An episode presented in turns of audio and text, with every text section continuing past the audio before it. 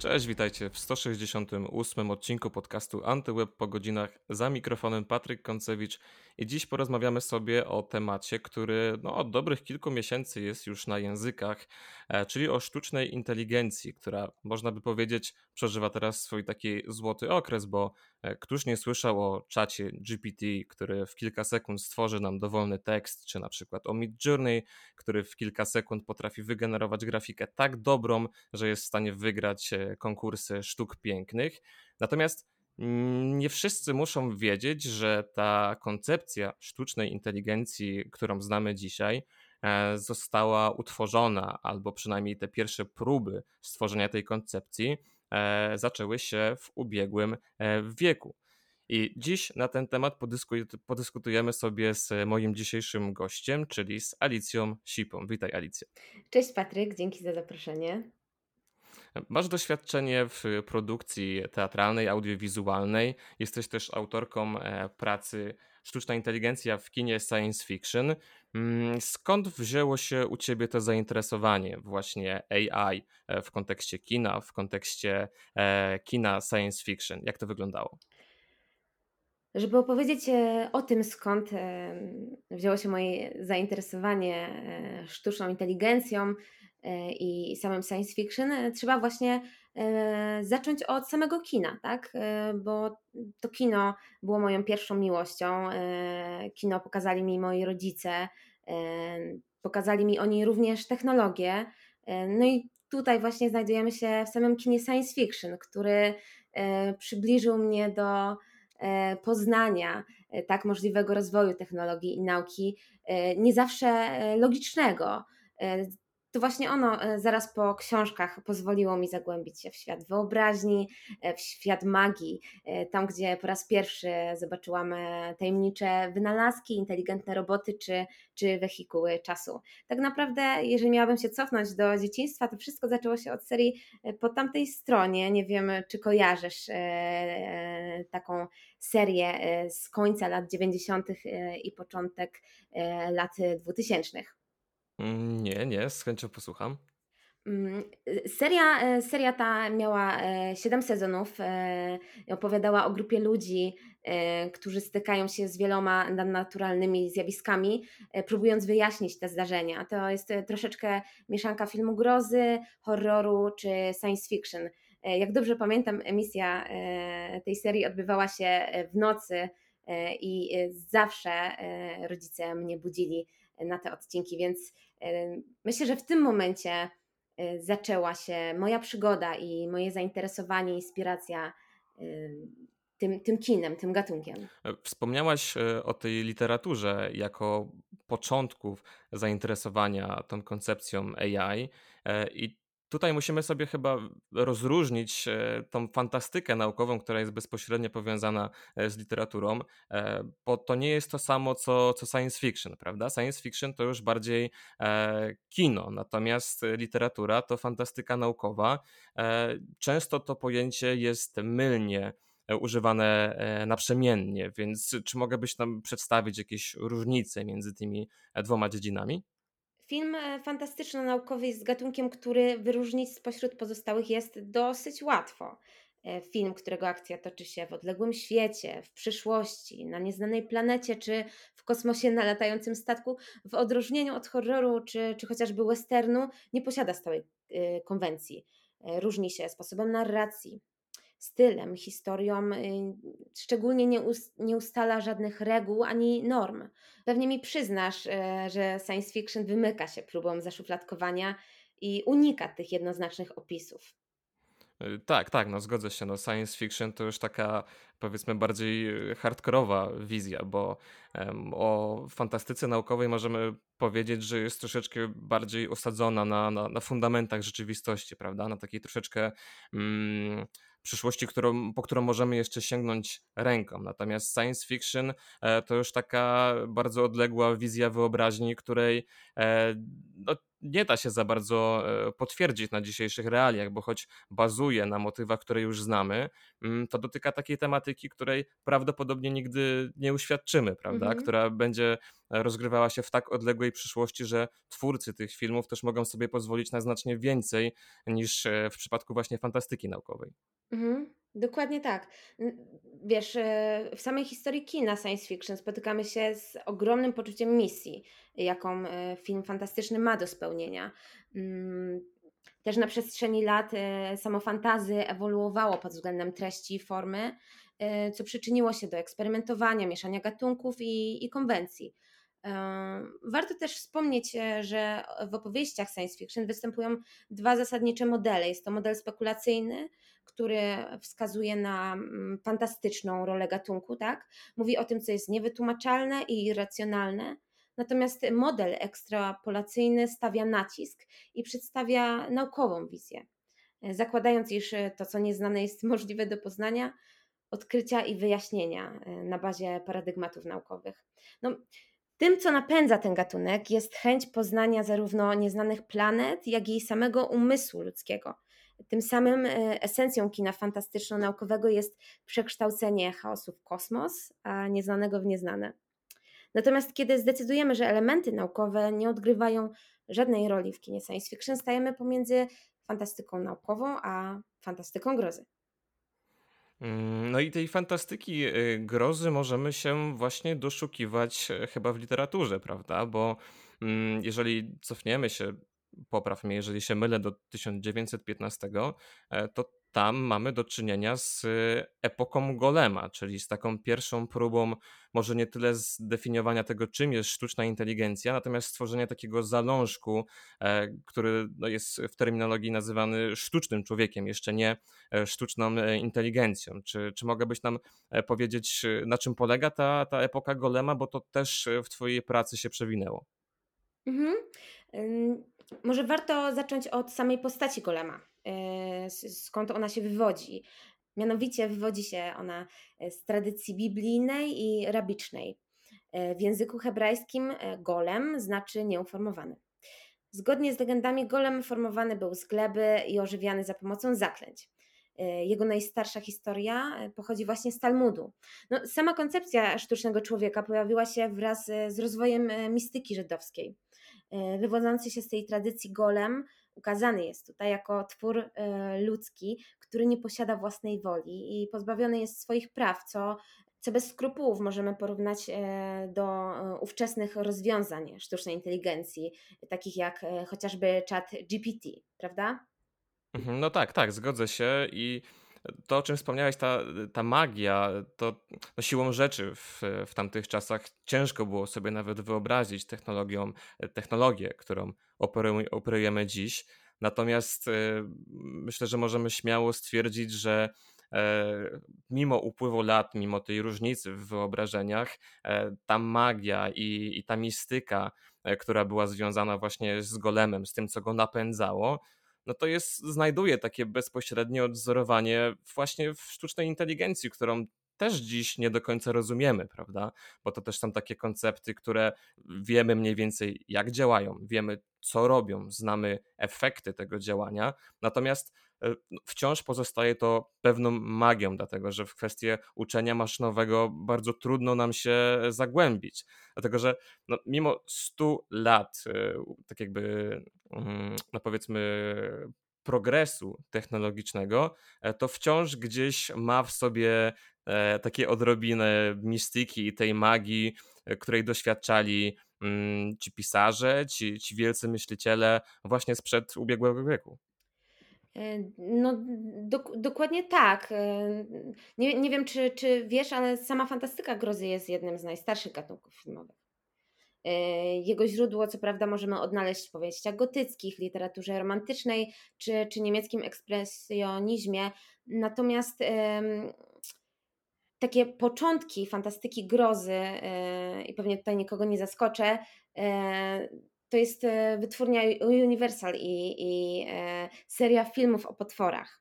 Frankenstein, Mumia, Dracula czy, czy Niewidzialny Człowiek. Mhm. Także też gdzieś tutaj możemy odnaleźć tą postać Golema. Po, po 15 latach tak naprawdę Także tutaj możemy zauważyć też to ogromne podobieństwo do samej postaci Golema, o której już wcześniej wspominaliśmy, i, i jego, jego koncepcji jako sztucznego człowieka. Natomiast zwróć uwagę na to, że w latach 30. E, e, czy 40. twórcy stawiali na koncepcję właśnie tego sztucznego człowieka. Nie było tutaj jeszcze mowy o sztucznej inteligencji. Nikt, nikt do końca nie zastanawiał się nad inteligencją. No, no właśnie, no, mamy Golema jako ten pierwowzór sztucznego człowieka, ale jeszcze nie sztucznej inteligencji. No to kiedy możemy zakładać, że ta, ta koncepcja AI, e, które jest najbardziej zbliżone do tego współczesnego podejścia, e, mogła się zacząć? Kiedy możemy się doszukiwać tych pierwszych prób zdefiniowania tego terminu?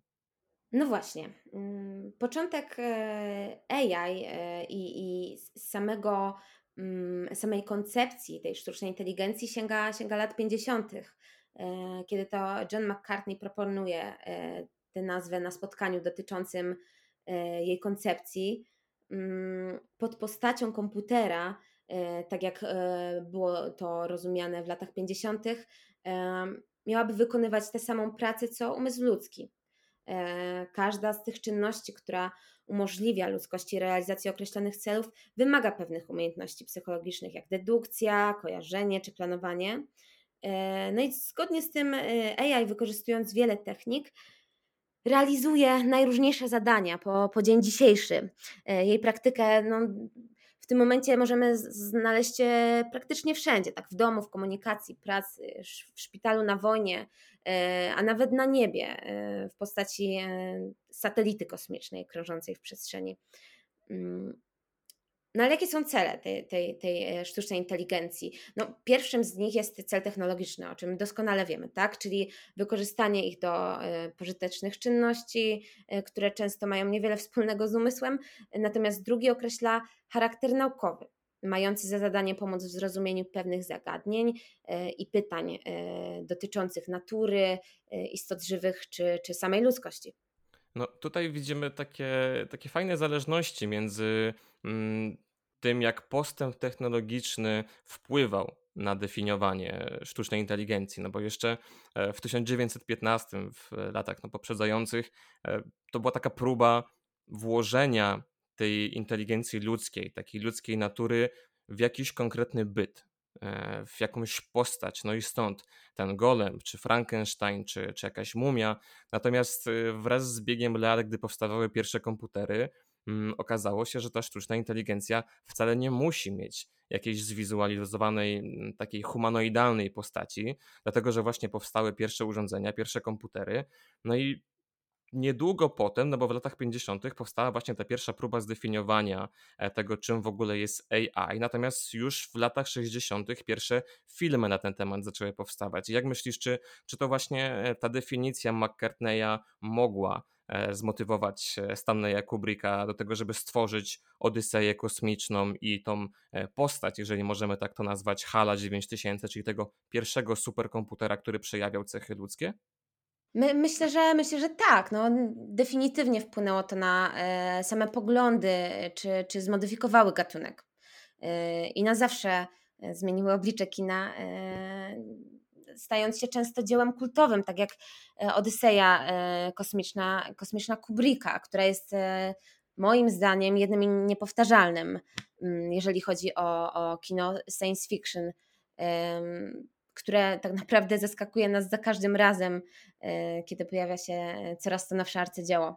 No, sam temat podróży kosmicznych w latach 60. był dosyć drażliwym i, i gorącym tematem, bo wtedy kino science fiction nie miało możliwości uzyskania ani dużego budżetu na swoje produkcje, ani również poparcie studiów było niewielkie.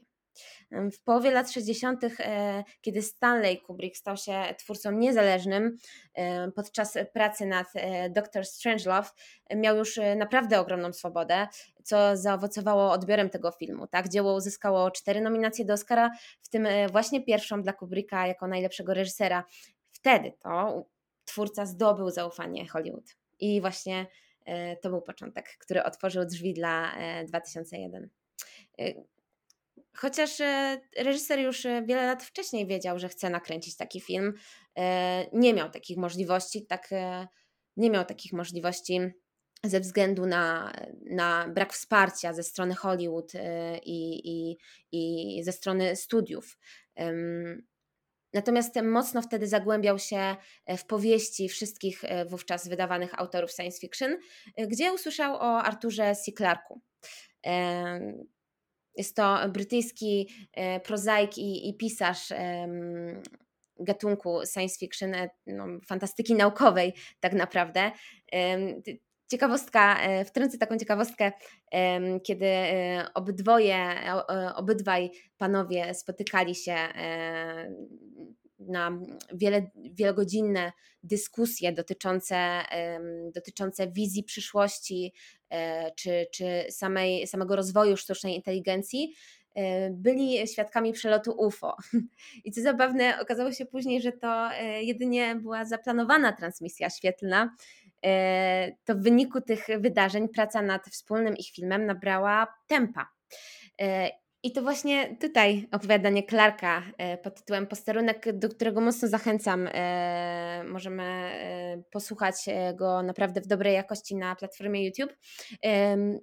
To właśnie ta powieść była pierwowzorem Odysei Kosmicznej, która okazała się być no, prawie trzygodzinnym epickim E, utworem, e, który do dzisiaj e, wzbudza ogromne zainteresowanie i, i emocje.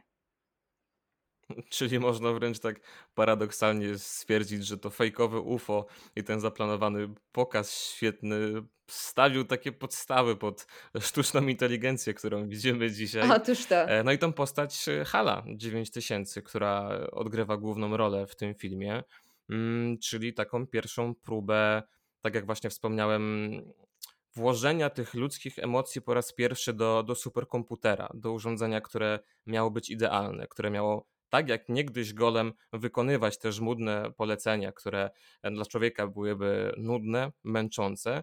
Natomiast e, praktyka pokazała, że HAL jednak tak doskonały nie był, dlatego że miał pewne wady techniczne, pewne usterki, e, no, które spowodowały, że załoga zaczęła go traktować jak wroga niemalże. No i padła decyzja o tym, żeby e, tego hala ze statku wyeliminować, żeby go wyłączyć. No i tutaj chyba po raz pierwszy w historii kina mm, maszyna, komputer zaczęły przejawiać ludzkie uczucia, czyli mm, tą potrzebę e, samoobrony, tą potrzebę ratowania swojego życia, którego prawdopodobnie jeszcze nie rozumiał. Natomiast przez spędzanie czasu z ludźmi, przez tą naukę ich e, emocji, e, to był taki, taki naturalny impuls, który popchnął go do morderstwa, prawda? Tak, tak. No, możemy zauważyć, że sam Kubrick poświęcił naprawdę wiele czasu i zaangażowania w stworzenie jego postaci, nie?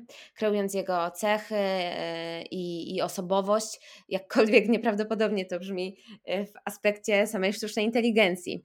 Mm, pomimo tego, iż, e, pomimo tego, iż komputer pojawia się na ekranie łącznie przez 60 minut w 143-minutowym filmie, no nie zaprzeczysz, wydaje się być jego głównym bohaterem od samego początku możemy y, zauważyć, e, że sam Hal wydaje się być no, niezwykłą sztuczną inteligencją, może nawet czymś więcej. Y, myśli logicznie, jest y, opanowany, spokojny, zawsze wykonuje polecenia. Mm, jest, jest wypełniony po prostu ludzkimi emocjami i, i, i choć, tak jak wspomniałeś, na początku wydaje się być miłym i przyjaznym kompanem e, w podróży, w efekcie y, okazuje się, że jest zdolny do y, brutalnych czynów. Y, dokładnie tak samo jak, jak człowiek. No, czyli poniekąd zakładając oczywiście, że sztuczna inteligencja powinna być w jakiejś formie odzwierciedleniem e, człowieka i jego ludzkiej natury, e, no to HAL 9000 to założenie e, spełnił. Natomiast to, co w HALu jest ciekawe, to to, że w odróżnieniu od y, następnych filmów, do których sobie za chwilę przejdziemy i tych prób wizualizacji sztucznej inteligencji jest to, że e, Hal wydawał się nie odczuwać negatywnych emocji. Był taki typowo oschły, typowo komputerowy, bo no w momencie śmierci, z tego co pamiętam, to spokojnie śpiewał piosenkę i nie było po nim widać żadnej skruchy, prawda? Dokładnie, dokładnie. Była to pierwsza piosenka zaśpiewana za pomocą komputerowej e, mowy, tak naprawdę. Natomiast jak, jak rozumiemy jego bunt? Możliwe, że, możliwe, że to była usterka, tak? która spowodowała, że stał się po prostu złym. No owszem, mógł mieć w sobie błąd, ale może nie tak wielki. Może, może ten, ten jeden mały błąd, który spowodował e, zwątpienie w załodze i, i chęć odłączenia tak, e, komputera, sprawił, że właśnie wtedy poczuł złość i, i wtedy poczuł chęć zemsty. Mm, tak naprawdę w samoobronie sprzeciwił się i zamordował towarzyszy lotu. No to poczucie e, strachu, takie poczucie zagrożenia przed śmiercią łamane, przed wyłączeniem, no bo to ciężko nazwać śmiercią wyłączenie komputera, e, to jest motyw, który będzie się później przewijał przez następne kilkadziesiąt lat nawet w filmach science fiction, które mhm. e, traktują o relacjach człowiek-maszyna, człowiek-komputer. No i tutaj myślę, że płynnie możemy sobie przeskoczyć do lat 80. i do, do łowcy androidów, gdzie właśnie ta koncepcja e, strachu przed człowiekiem, przed tą jego bezlitosnością e, sprawiła, że sztuczna inteligencja stała się jeszcze bardziej ludzka, no bo chociaż możemy postrzegać Hala jako taką przestrogę przed potęgą AI, no to wydaje mi się, że jednak w zamyśle twórców było przestraszyć widza nie przed tym, że e, sztuczna inteligencja sama w sobie jest niebezpieczna i przerażająca, tylko do tego, do czego może doprowadzić e, człowiek przez swoje decyzje i zachowanie względem AI. To bardzo fajnie jest właśnie pokazane e, w łowce androidów, gdzie mm, po raz pierwszy zwizualizowano mm, sztuczną inteligencję właśnie jako sobowtóra człowieka. E, gdzie nazwano je nawet replikantami, żeby mm, w pewien sposób odróżnić je, prawda, od, od człowieka od, tak, tak. E, i żeby postawić między nimi taką granicę, która jeszcze bardziej dystansuje tę relację między człowiekiem a maszyną i jeszcze bardziej pozwala człowiekowi na mm, gorsze postępowanie wobec AI, dlatego że gdybyśmy go nazwali na przykład sztucznym człowiekiem, czy dajemy na to człowiekiem y, robotyczno-inteligentnym, możemy sobie te określenia mnożyć, natomiast samo słowo replikant odbiera trochę tego człowieczeństwa i, i takich emocji względem tej sztucznej inteligencji, tak, prawda? Tak, no jak sama nazwa wskazuje, tak, e, jedyną cechą, której brakuje replikantom są uczucia.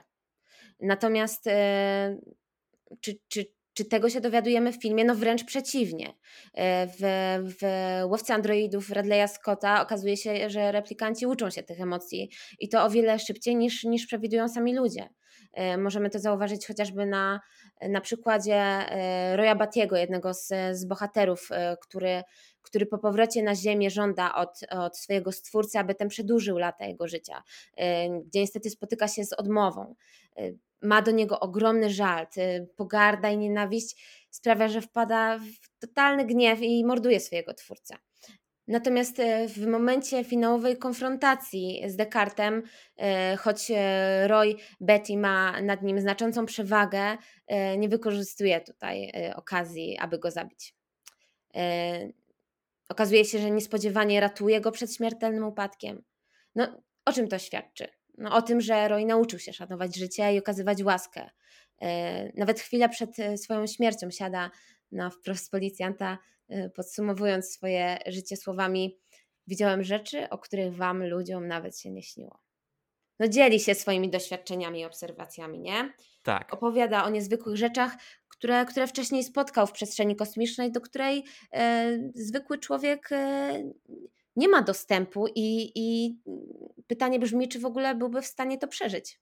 No to jest właśnie to, co, co go odróżnia od Hala, to, to poczucie refleksji, zastanowienia nad tym, do czego mogą prowadzić e, jego decyzje. To już jest takie bardzo fajne rozwinięcie tej koncepcji sztucznej inteligencji i takie wprowadzenie do uczenia maszynowego, albo replikanci z przecież słowcy androidów stale uczyli się na, na ludzkich emocjach, czyli, czyli to jest to, do czego obecnie tak mocno zabiegamy e, w tworzeniu na przykład narzędzi AI. Tak? One mają się e, samodzielnie uczyć na, na bazie danych, na, na poleceniach, które, które wykonują, e, więc, więc tak, no jak najbardziej tutaj się z tym zgodzę. Mm. No, no, Roy Batty daje nam tutaj takie świadectwo społeczeństwa, człowieczeństwa, przepraszam rozumiejąc, że, że człowiekiem jest ten, kto gotów jest tak? do poświęceń, do pomocy i, i potrafi przebaczyć. Mhm. No a skoro, skoro właśnie wspomnieliśmy już o, o tych emocjach, które tak mocno rozwijają się w no, replikantach, w tych y, humanoidalnych formach sztucznej inteligencji, e, to ten temat też ciekawie pociągnął Spielberg w AI, sztuczna inteligencja.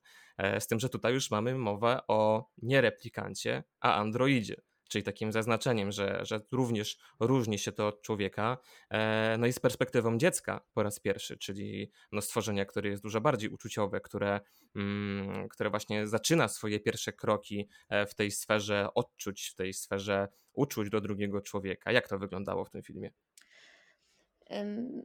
Szczerze powiem, e, że to jest chyba mój ulubiony film z tego gatunku. E, ze względu, no głównie ze względu na wspaniałego Osmenta, e, głównego bohatera, który no, zagrał tą rolę wręcz, wręcz niepowtarzalnie. Nie wyobrażam sobie nikogo innego w tej, w tej roli.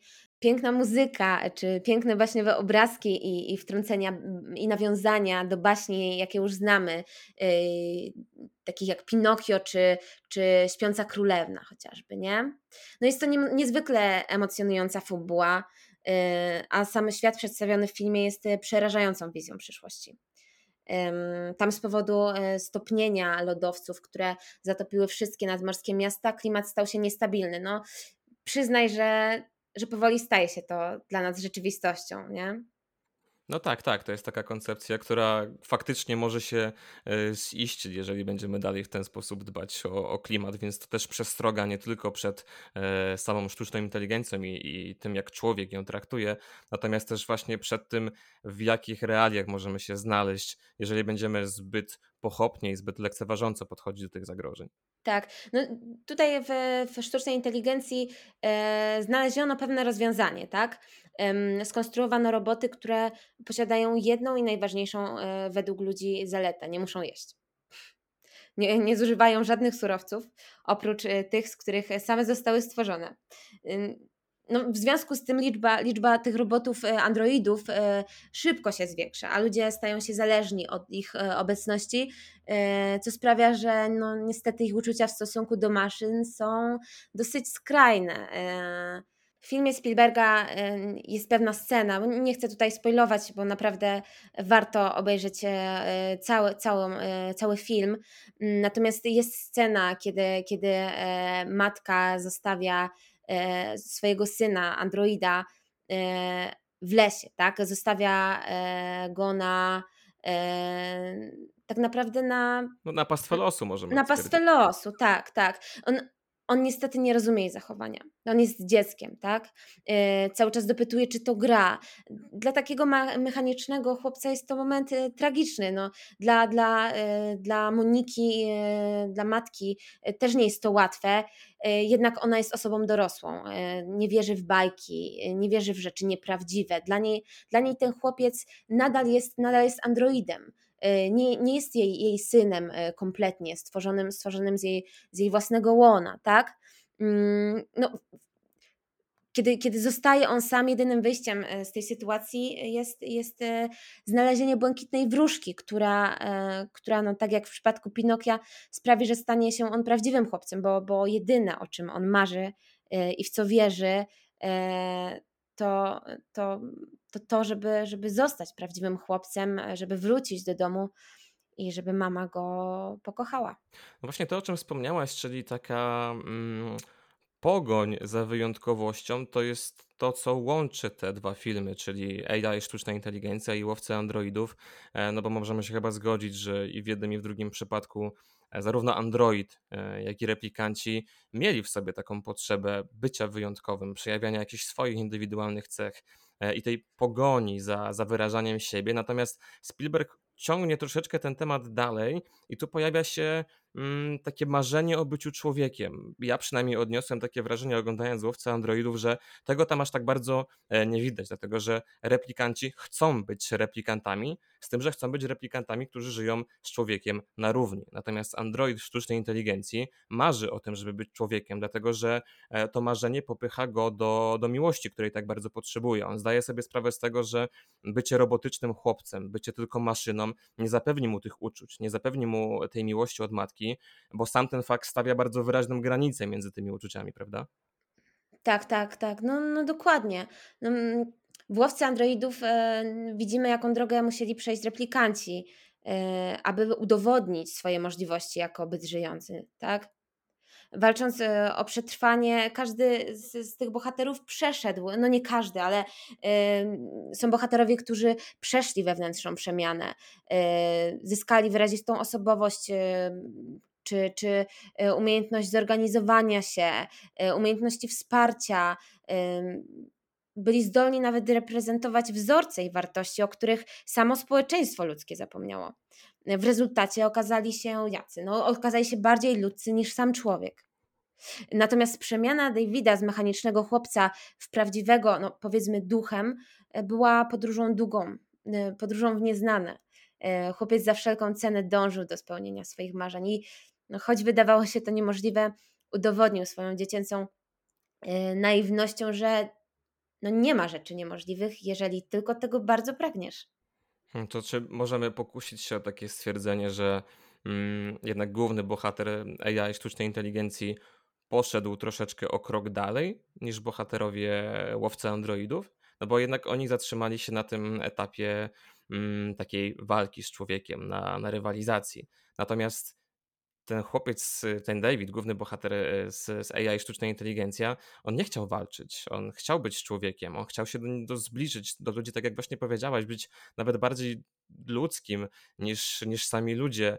E, no i czy, czy ta koncepcja jest w ogóle możliwa do, do wykonania? Czy sztuczna inteligencja może być bardziej ludzka niż ludzie? To myślę, że jest e, trudne do, do zweryfikowania, dlatego że. Mm... Myślę, że, że przede wszystkim ciężko sobie to wyobrazić, prawda? Mm, po prostu ciężko sobie to wyobrazić, bo to, co już znamy z, z filmów, nawet o których wspominaliśmy wcześniej, tak, z epoki Golema chociażby, no, to wszystko się wydarzyło. Jakby to, to, o czym wtedy mówili nam twórcy, to wszystko już jest, to wszystko znamy. Natomiast y, ciężko nam sobie jeszcze wyobrazić y, to, że y, android, robot, komputer, maszyna, y, że może, może mieć uczucia może być zdolny do kochania, e, do, e, do, do wspierania siebie nawzajem, do opieki, do e, zaufania czy, czy szacunku między sobą, czy, czy między ludźmi chociażby. Myślę, że, że trochę boimy się tej myśli. Ale czy jest to niemożliwe? No, skoro, skoro tak szybko, e, tak szybko sztuczna inteligencja się uczy, to ja nie przekreślam tego, że może się tak wydarzyć, że, że jest to po prostu możliwe. Ale z czego ten strach może właśnie wynikać? Z tej, z tej obawy, że, że kiedyś sztuczna inteligencja przez to, że będzie bardziej ludzka, może faktycznie przejąć jakąś władzę nad światem, czy bardziej e, na tej zasadzie, że człowiek sam ma problem z tym, żeby być ludzkim, mm -hmm. a sztuczna inteligencja robi to od niego lepiej? Przynajmniej no, w tych filmach.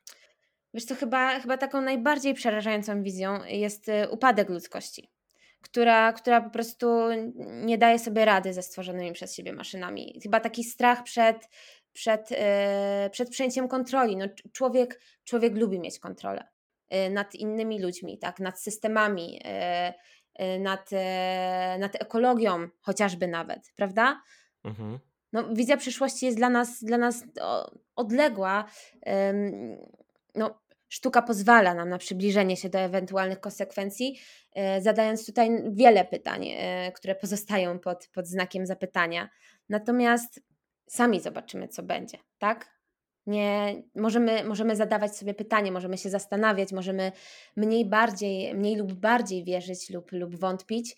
Natomiast e, no nie jesteśmy w stanie przewidzieć przyszłości, przynajmniej na dzień dzisiejszy nie jesteśmy w stanie przewidzieć co, co, co, co będzie. Może kiedyś, kiedyś, e, kiedyś będziemy mieli takie umiejętności, bądź sztuczna inteligencja będzie miała. E, ja, jako wielki entuzjasta technologii, myślę, że tak czy siak raczej nie doświadczymy takich czasów wielkiej humanoidalnej rewolucji AI, takiej jak to widzimy na przykład u, u Spielberga. Natomiast zostawiając już te takie bardzo dystopijne i negatywne tematy, e, możemy przejść sobie właśnie do czasów, które są nam już bliższe i które faktycznie możemy zaobserwować w niedalekiej przyszłości, a będąc w sumie szczerym nawet i teraz, bo mam na myśli film Her, e, czyli no, taką historię o tym, jak człowiek w sztucznej inteligencji może się zakochać. Natomiast tu już nie mamy żadnych robotów, androidów e, czy tam replikantów, e, którzy mogliby nam w jakiś sposób zagrozić, a jednak sztuczną inteligencję, która jest schowana w niewielkim urządzeniu wielkości smartfona mm, i która ma zaoferować uczucia ludziom, którzy w miłości szczęścia e, nie mieli. I to jest coś, e, zanim jeszcze przejdziemy do, do fabuły tego filmu, co już możemy obserwować nawet i dzisiaj, właśnie dzięki Google Bardowi czy ChatGPT, możemy z tymi narzędziami AI dyskutować, możemy z nimi rozmawiać. Czy wchodzić z nimi w relację romantyczną? Może z tymi bazowymi wersjami nie do końca. Natomiast przypomina mi się teraz taki case Girlfriend GPT, takiego pobocznego Aha. projektu, o którym też już raz pisałem na Antywebie, e, czyli stworzonego narzędzia przy pomocy właśnie Google Barda, e, który polegał na tym, że e, miał cechy żony autora tego projektu, czyli zachowywał się jak ona, miał te same ulubione potrawy, te same ulubione kolory, zainteresowania, potrafił w taki mimiczny sposób odtwarzać jej sposób konwersacji. Trochę przerażające, ale bardzo podobne do tego, co, co widzimy w filmie Her, prawda? Tak, natomiast tutaj twórca dotyka szczególnie problemu sztucznej inteligencji, a mianowicie jej uczłowieczenia. Nie? Y, niekoniecznie skupiamy się na e, samym głównym bohaterze, no, który też jest, też jest ważny, e, e, ważny w tej fabule, ale na samym komputerze. Tak?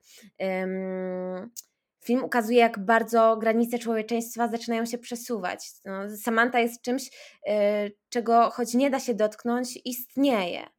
Y, potwierdzeniem jest jej głos, y, a właściwości intelektualne emocjonalne y, są, są jego rozwinięciem. No, zakochuje się ona w Teodorze. Odkrywa w sobie troskę, empatię, a nawet zazdrość.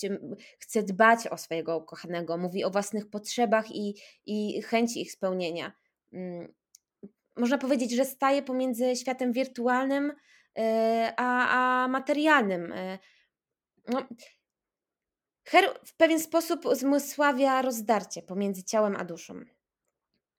Główna bohaterka y, no, nie ma możliwości posiadania ciała materialnego, y, a więc y, w tym przypadku jej rozwój odbywa się na, na polu duchowym. No tak, tak, zgodzę się. E, no i właśnie to, o czym mówisz, czyli ten rozwój na, na poziomie duchowym, ja postrzegam przynajmniej troszeczkę jako taki rodzaj, może nie tyle zagrożenia, ale przestrogi e, od tego, jak bardzo można się od sztucznej inteligencji uzależnić, jeżeli będzie ona e, przedstawiała e, tylko i wyłącznie same uczucia. No bo jeżeli ją zwizualizujemy do jakiejś postaci, tak, do jakiegoś humanoidalnego bytu, no to też dochodzą te, te kwestie wizualne. Natomiast e, gdy rozmawiamy ze sztuczną inteligencją przy, przy użyciu tego wspomnianego GPT, smartfona czy jakiegokolwiek urządzenia, to wszystko dzieje się w naszej wyobraźni. Tak? Wizualizujemy sobie tą partnerkę, z którą rozmawiamy. E, a jeżeli wszystko dzieje się tylko i wyłącznie w naszej głowie, to temu można się dużo bardziej dać ponieść w takie rejony dość skrajne, o których właśnie sam główny bohater mógłby, myślę, dobrze opowiedzieć, bo on w tej relacji troszeczkę się zagubił. E, on w tej relacji. Myślę, że, myślę, że obydwoje się zagubili. Nie? Myślę, mhm. że, że, yy, że, że Samantha. Mamy taką scenę, w której Samantha rzeczywiście płacze. Rzeczywiście yy, słyszymy jej płacz. No, yy, ciężko stwierdzić, że Mogłaby być to y, w pewien sposób manipulacja, ponieważ y, przez całą fabułę y, poznajemy ją coraz bardziej i rzeczywiście ona sama odkrywa w sobie te, te cechy ludzkie. Więc wydaje mi się, że tu ból jest po jednej i po drugiej stronie, tak samo to uzależnienie. No, czy, czy sztuczna inteligencja tutaj też, też nie, nie ma no nie ma prawa, nie ma, nie ma możliwości jakby uzależnić się mhm. od, od tej, tej, tego człowieka, od tej drugiej strony? No właśnie, tutaj mamy troszeczkę taki paradoks, bo narzędzie, które zostało stworzone do e, symulowania uczuć, po raz kolejny te uczucia zaczyna odwzorowywać szczerze. No, mówisz o uzależnieniu, z tym, z tym faktycznie się zgodzę. E, to jest coś, czego raczej e, twórcy nie oczekiwali. Nie była to cecha pożądana.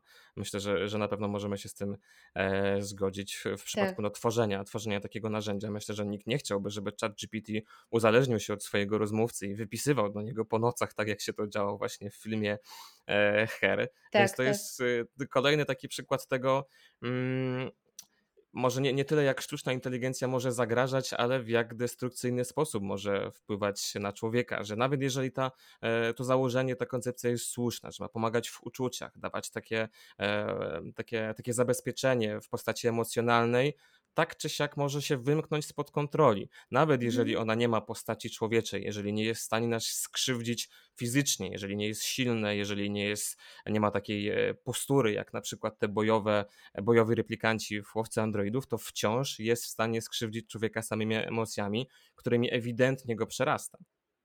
No, no tak, no, w tym przypadku trudno ocenić też, czy, czy popadamy w jakąś paranoję, nie? Czy, czy wyczekujemy na ten moment yy, kryzysu, można powiedzieć.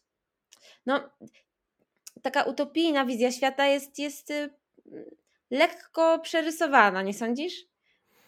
Mm, czy przerysowana? Były już takie przypadki, gdzie ludzie tak mocno wkręcili się w rozmowę z narzędziami AI, że byli przekonani wręcz, że to jest żywy byt. Co prawda są to przypadki jednostkowe, mówimy to teraz w takim kontekście anegdotycznym, no bo raczej się z tego śmiejemy, natomiast kto wie, co przyniesie przyszłość za 10-15 lat. Weźmy pod uwagę to, że ten gwałtowny rozwój narzędzi AI, chatbotów to jest mniej więcej pół roku. To jest gwałtowne pół roku tak zaawansowanego rozwoju, że sztuczna inteligencja, która jeszcze trzy lata temu była w tej formie, którą dzisiaj obserwujemy totalną abstrakcją, dziś wchodzi do szkół, do szpitali, jest używana przez prawników, jest używana przez lekarzy, przez studentów na uczelniach, robi się z tego e, plaga, więc myślę, że tylko kwestia czasu, aż zacznie wchodzić te tematy randkowe, takie powiedzmy, no nawet tinderowe. Myślę, mhm. że no, na pewno musimy zakładać to, że, że kiedyś e, taki chat GPT w wersji erotyczno-romantycznej wejdzie kiedyś do aplikacji i no, czy to też nie zaburzy trochę relacji międzyludzkich? Ciężko, ciężko stwierdzić. No, tak jak ludzie, cały świat ewoluuje. Y, aby, aby dostosować się y, z łatwością do, do tego, co się dzieje na Ziemi, tak, do warunków na Ziemi. Y, więc no, powstanie i, i, gdzieś ewolucja sztucznej inteligencji jest po prostu następstwem pewnych działań, czymś, co po prostu się dzieje i co się będzie wydarzać. Moim zdaniem wszystko zależy od, od relacji jaką nawiążemy z tą sztuczną inteligencją, tak? Zgodnie, zgodnie z kwestią odpowiedzialności, o której no, sam, sam Stanisław Lem e, mówił, warto pamiętać o tej relacji stwórca-twór. Człowiek jako ich twórca powinien e, dać, dać mu opiekę, zarówno z powodów etycznych, e, jak i nie.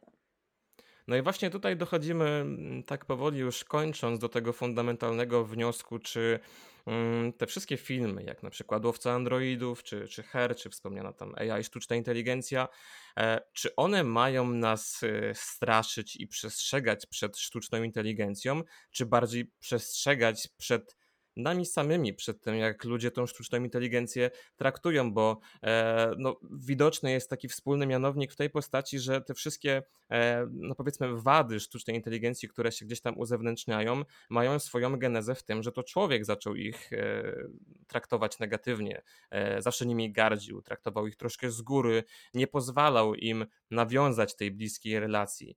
I wydaje mi się, że gdyby tak zebrać to klamrą, to taką ideą tych wszystkich filmów science fiction, które traktują o tej relacji człowiek-maszyna, człowiek-komputer, jest właśnie to, żebyśmy się nauczyli traktować sztuczną inteligencję z szacunkiem. Że gdyby spojrzeć tak na 10-15 lat do przodu, gdy ta sztuczna inteligencja będzie już na tyle zaawansowana, to te pokolenia, które dorastają teraz na tych filmach, które tak mocno straszą i przestrzegają przed potęgą AI, będą już wiedzieć, jakich błędów nie popełniać. Będą mogli podejść do tej sztucznej inteligencji na równi i z szacunkiem. I myślę, że to chyba właśnie to jest esencja, czy Spielberga, e, czy, czy wszystkich tych reżyserów, którzy podjęli się tej tematyki, nie sądzisz? Y, absolutnie się z Tobą zgodzę. Y, no, nie uważam, żeby były, żeby produkcje kina science fiction były po to, tworzone, tworzone były po to, żeby, żeby nas gdzieś wystraszyć, nie? Żeby wystraszyć człowieka przed, przed AI, a tak naprawdę ostrzec, ostrzec przed samym sobą, przed tym, jak, jak my podchodzimy do niego, czy, czy podchodzimy z otwartymi rękoma, czy, czy z nożem. No tak, tak, ale też y, media bardzo często, zwłaszcza w obliczu tej, tej gwałtownej e, rozwoju gwałtownego sztucznej inteligencji w ostatnich miesiącach straszą tym, że tu AI odbierze nam pracę, tu będzie na tyle potężna, żeby nam na przykład wyperswadować to, jak źle ich traktujemy i stworzyć taki bunt rodem z filmów science fiction. I wydaje mi się, że to właśnie nie tą drogą powinniśmy iść, tylko bardziej wyciągać z tego takie wnioski na zasadzie tego, jak my możemy sami się zmieniać, a nie jak powinniśmy się obawiać sztucznej inteligencji i jakie mechanizmy zabezpieczające e, wstawiać, żeby nie zbuntowali się przeciwko nam. Zapominamy no, w tym bardzo tak. często, że każdy taki bunt będzie tak naprawdę wychodził od nas. To my jesteśmy stwórcą jako ludzkość, to my uczymy tą sztuczną inteligencję emocji, to my Dokładnie. dajemy im przykład to tak jakby mieć pretensje do dziecka, że, że przejawia jakieś patologiczne skłonności, jeżeli samo wychowało się w takiej rodzinie, prawda?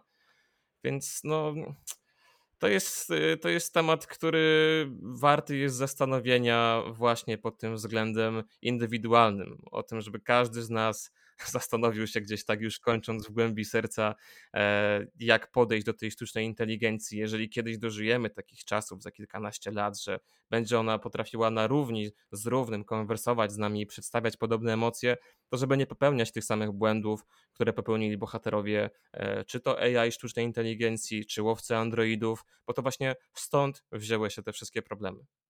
Oczywiście ze wszystkich tych e, wspomnianych filmów wymieniliśmy no, tylko kilka takich najbardziej szlagierowych, tych najbardziej klasycznych, natomiast e, filmów o relacji człowiek-maszyna jest znacznie więcej. Gdybyśmy mieli sobie jeszcze rzucić na luźno takimi polecajkami, to, to na pewno warto byłoby wspomnieć o Ex Machinie, czy o Człowieku Przeszłości, e, o Chapi, czy, czy Finchu z Apple TV+, Plus, albo niedawnym Archiwum, więc tego jest naprawdę sporo, więc jeżeli ktoś czuje się zaintrygowany tym tematem, chciałby sobie też stworzyć taką pigułkę e, filmów o AI, o sztucznej inteligencji, to, to warto sobie to zapisać, bo to również są świetne e, produkcje.